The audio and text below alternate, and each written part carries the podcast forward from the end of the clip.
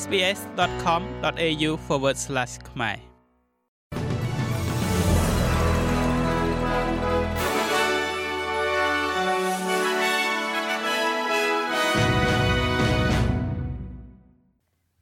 ចាសសូមស្វាគមន៍មកកាន់នេតិព័ត៌មានខ្លីៗរបស់ SBS ខ្មែរសម្រាប់ថ្ងៃប្រហ័សទី15ខែមិថុនាឆ្នាំ2023 លោកនាយករដ្ឋមន្ត្រី Anthony Albanese បានប្រកាសថារដ្ឋាភិបាលរបស់លោកនឹងដាក់ចេញនូវសេចក្តីព្រាងច្បាប់មួយដែលនឹងបញ្ចប់ការប៉ុនប៉ងរបស់រុស្ស៊ីក្នុងការសាងសង់វត្តមានការទូតនៅជិតរដ្ឋសភាក្នុងទីក្រុង Canberra រដ្ឋាភិបាលរុស្ស៊ីបាននឹងកំពុងព្យាយាមបង្កើតវត្តមាននៅក្បែរវិមានរដ្ឋសភាមួយរយៈមកហើយហើយការប៉ុនប៉ងទប់ស្កាត់ដោយដែនដីរដ្ឋធានីអូស្ត្រាលីហៅកាត់ថា ACT បានបរាជ័យរហូតមក។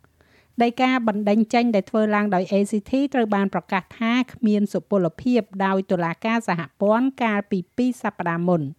លោក Albanese មានប្រសាសន៍ថាច្បាប់នេះនឹងបញ្ចប់ការជួលដែលគេរំពឹងថានឹងអនុម័តនៅព្រឹកនេះជាមួយនឹងការគ្រប់គ្រងពីគណៈបកធំធំទាំងពីររដ្ឋមន្ត្រីក្រសួងមហាផ្ទៃលោកស្រី Claire O'Neil បានបន្ថែមថាដីដែលរុស្ស៊ីជួលគឺនៅជាប់នឹងវិមានរដ្ឋសភា លោក Anthony Albanese និយាយថាការសម្រេចចិត្តនេះត្រូវបានធ្វើឡើងនៅក្នុងផលប្រយោជន៍សន្តិសុខជាតិរបស់ប្រទេសអូស្ត្រាលីជាមួយគ្នានេះប៉ូលីសនិយាយថាពួកគេបានធ្វើការរឹបអូសគ្រឿងញៀនដ៏ធំបំផុតមួយក្នុងប្រវត្តិសាស្ត្រអូស្ត្រាលី ដោយរារាំងថ្នាំមេតាំហ្វេតាមីនដែលមានតម្លៃ1700លានដុល្លារពីការជួញដូរនៅលើដងផ្លូវ។ បរិះ6នាក់ត្រូវបានចោទប្រកាន់ពីបទជាប់ពាក់ព័ន្ធនៅក្នុងការប៉ុនប៉ងរត់ពន្ធគ្រឿងញៀនទាំងនេះនៅក្នុងដបប្រេង Canola នៅប្រទេសកាណាដា ដែលមានគោលដៅឆ្ពោះមកកាន់រដ្ឋ Victoria និងរដ្ឋ New South Wales ជំនួយការស្នងការប៉ូលីសសហព័ន្ធអូស្ត្រាលីនិយាយថាប្រតិបត្តិការនេះបានរារាំងការជួញដូរតាមដងផ្លូវប្រមាណជា19លានករណីមិនឲ្យបន្តដំណើរការទៅមុខបាន។ នៅក្នុងរដ្ឋ New South Wales ផងដែរការិយាល័យស្ថិតិនិងស្រាវជ្រាវឧក្រិដ្ឋកម្មនៃរដ្ឋនេះរាយការណ៍ថាការលួចរថយន្តនៅក្នុងរដ្ឋនេះគឺស្ថិតនៅចំណុចខ្ពស់បំផុតក្នុងរយៈពេល6ឆ្នាំការិយាល័យសន្មតថាវាគឺជាអ្វីដែលគេហៅថា ជាការវិលត្រឡប់មកវិញនៅឧក្រិដ្ឋកម្មក្រោយ COVID គេក៏បានស្ដីបន្ទោសផងដែរចំពោះការផ្សព្វផ្សាយការលួចនៅលើវេទិកាប្រព័ន្ធផ្សព្វផ្សាយសង្គមដូចជា TikTok ជាដើម។ ដោយទៅនឹងអ ுக ្រិតកម្មអចលនទ្រព្យជាច្រើនទៀតដែរការលួចយានយន្តបានធ្លាក់ចុះយ៉ាងខ្លាំងក្នុងរយៈពេល2ទសវត្សរ៍កន្លងមកនេះហើយឈានដល់កម្រិតទាបជាប្រវត្តិសាស្ត្រក្នុងខែកញ្ញាឆ្នាំ2021បន្ទាប់ពីការបិទគប់ COVID 2លើកវាបានកើនឡើងជាលំដាប់ចាប់តាំងពីពេលនោះមកហើយចំនួនរថយន្តដែលត្រូវបានចោរលួចនៅក្នុងរដ្ឋ New South Wales គឺខ្ពស់ជាងគេនៅក្នុងខែមីនាឆ្នាំនេះបើធៀបទៅនឹងខែណាណាទាំងអស់ចាប់តាំងពីខែមករាឆ្នាំ2017មក។ ការិយាល័យនេះបាននិយាយថាតួលេខនេះតំណាងឲ្យការកើនឡើងជាង20%ក្នុងរយៈពេល2ឆ្នាំកន្លងមក ហើយរបាយការណ៍ក៏បានចង្អុលបង្ហាញថាការកើនឡើងមានចំនួនច្រើនខុសពីធម្មតា នៅក្នុងផ្នែកខ្លះនៅតំបន់ជនបទនៃរដ្ឋ New South Wales ព័ត៌មានមួយទៀតនេះគឺសមាគមវិទ្យាសាស្ត្រអូស្ត្រាលីហៅកាត់ថា AMA កំពុងតែព្រមានឲ្យឪពុកម្ដាយនាំកូនកូនទៅចាក់វ៉ាក់សាំងការពារជំងឺគ្រុនផ្ដាសាយនៅមុនថ្ងៃឈប់សម្រាកវិស្សមកាលសាលារៀន។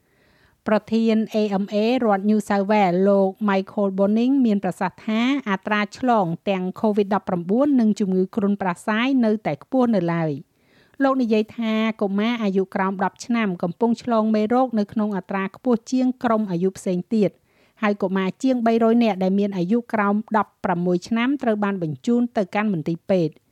ករណីជំងឺគ្រុនប្រសាយដែលត្រូវបានរាយការណ៍នៅក្នុងរដ្ឋ New South Wales បានកើនឡើងទ្វេដងក្នុងរយៈពេល5សប្តាហ៍ចុងក្រោយនេះដោយកើនឡើងពីប្រមាណជា32,000ករណីនៅចុងខែមេសា ឡើងដល់68,000ករណីកាលពីសប្តាហ៍មុនសមាគមក៏កំពុងតែផ្ដល់អនុសាសន៍ឲ្យប្រជាជនពាក់ម៉ាស់ជាពិសេសនៅកន្លែងដែលមានមនុស្សច្រើន ដូចជាកន្លែងលេងកីឡា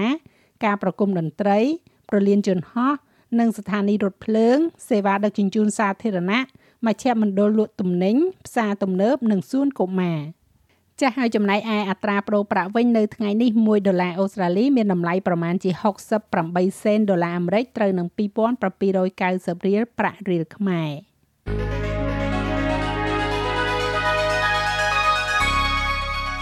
ឥឡូវយើងក៏លេខមកមើលការព្យាករណ៍អាកាសធាតុសម្រាប់ថ្ងៃសុក្រស្អែកនេះវិញនៅទីក្រុងស៊ីដនីបើកថ្ងៃល្អ19អង្សាបើកថ្ងៃដូចគ្នាដែរនៅមែលប៊ន17អង្សានៅអាដាលេដក៏បើកថ្ងៃផងដែរ18អង្សា និងនៅទីក្រុងភ្នំពេញ មានផ្គររន្ទះរាយប៉ាយ35អង្សា